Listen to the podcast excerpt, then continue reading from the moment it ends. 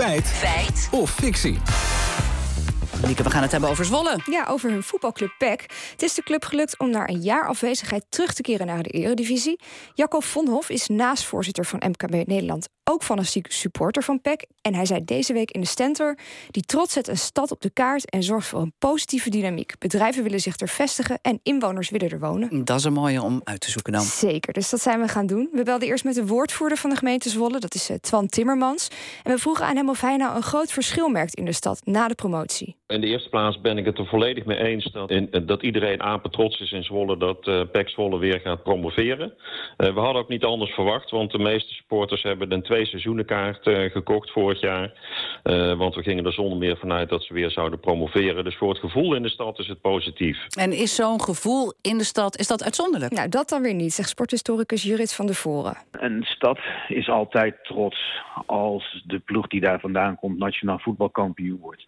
We merken nu al dat Rotterdam zich aan het opwarmen is voor de zeer waarschijnlijke titel van Feyenoord.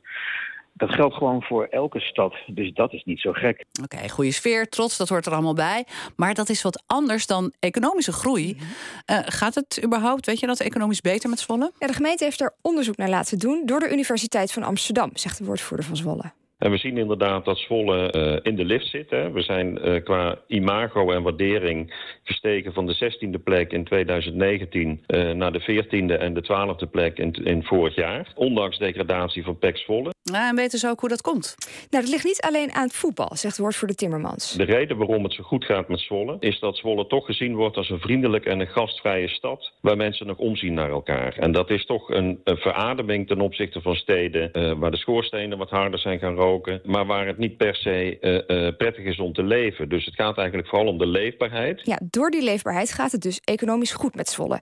Veel jonge mensen willen er gaan wonen... en bedrijven vestigen, vestigen zich er ook de laatste jaren. Oké, okay, en volgens Jacco Vonhoff komt dat dus door het succes van PEC Zwolle. Ja, en ik legde die uitspraak maar eens voor aan sportmarketeer Bob van Oosterhout. Kijk, ik ben natuurlijk heel positief over uh, de impact van sport en de invloed van sport. Maar helaas is de impact uh, niet zo groot als hier wordt uh, gesuggereerd. Ik kan me niet voorstellen, ik denk ook niet dat dat zo is... dat er bedrijven zijn die zich in een stad gaan vestigen omdat daar een voetbalclub zit. Dat er mensen zijn die naar een stad verhuizen omdat daar een voetbalclub zit. Nee, dat is helaas uh, niet het geval. Ja, ook sporthistoricus van de Voren plaatst er zijn vraagtekens bij.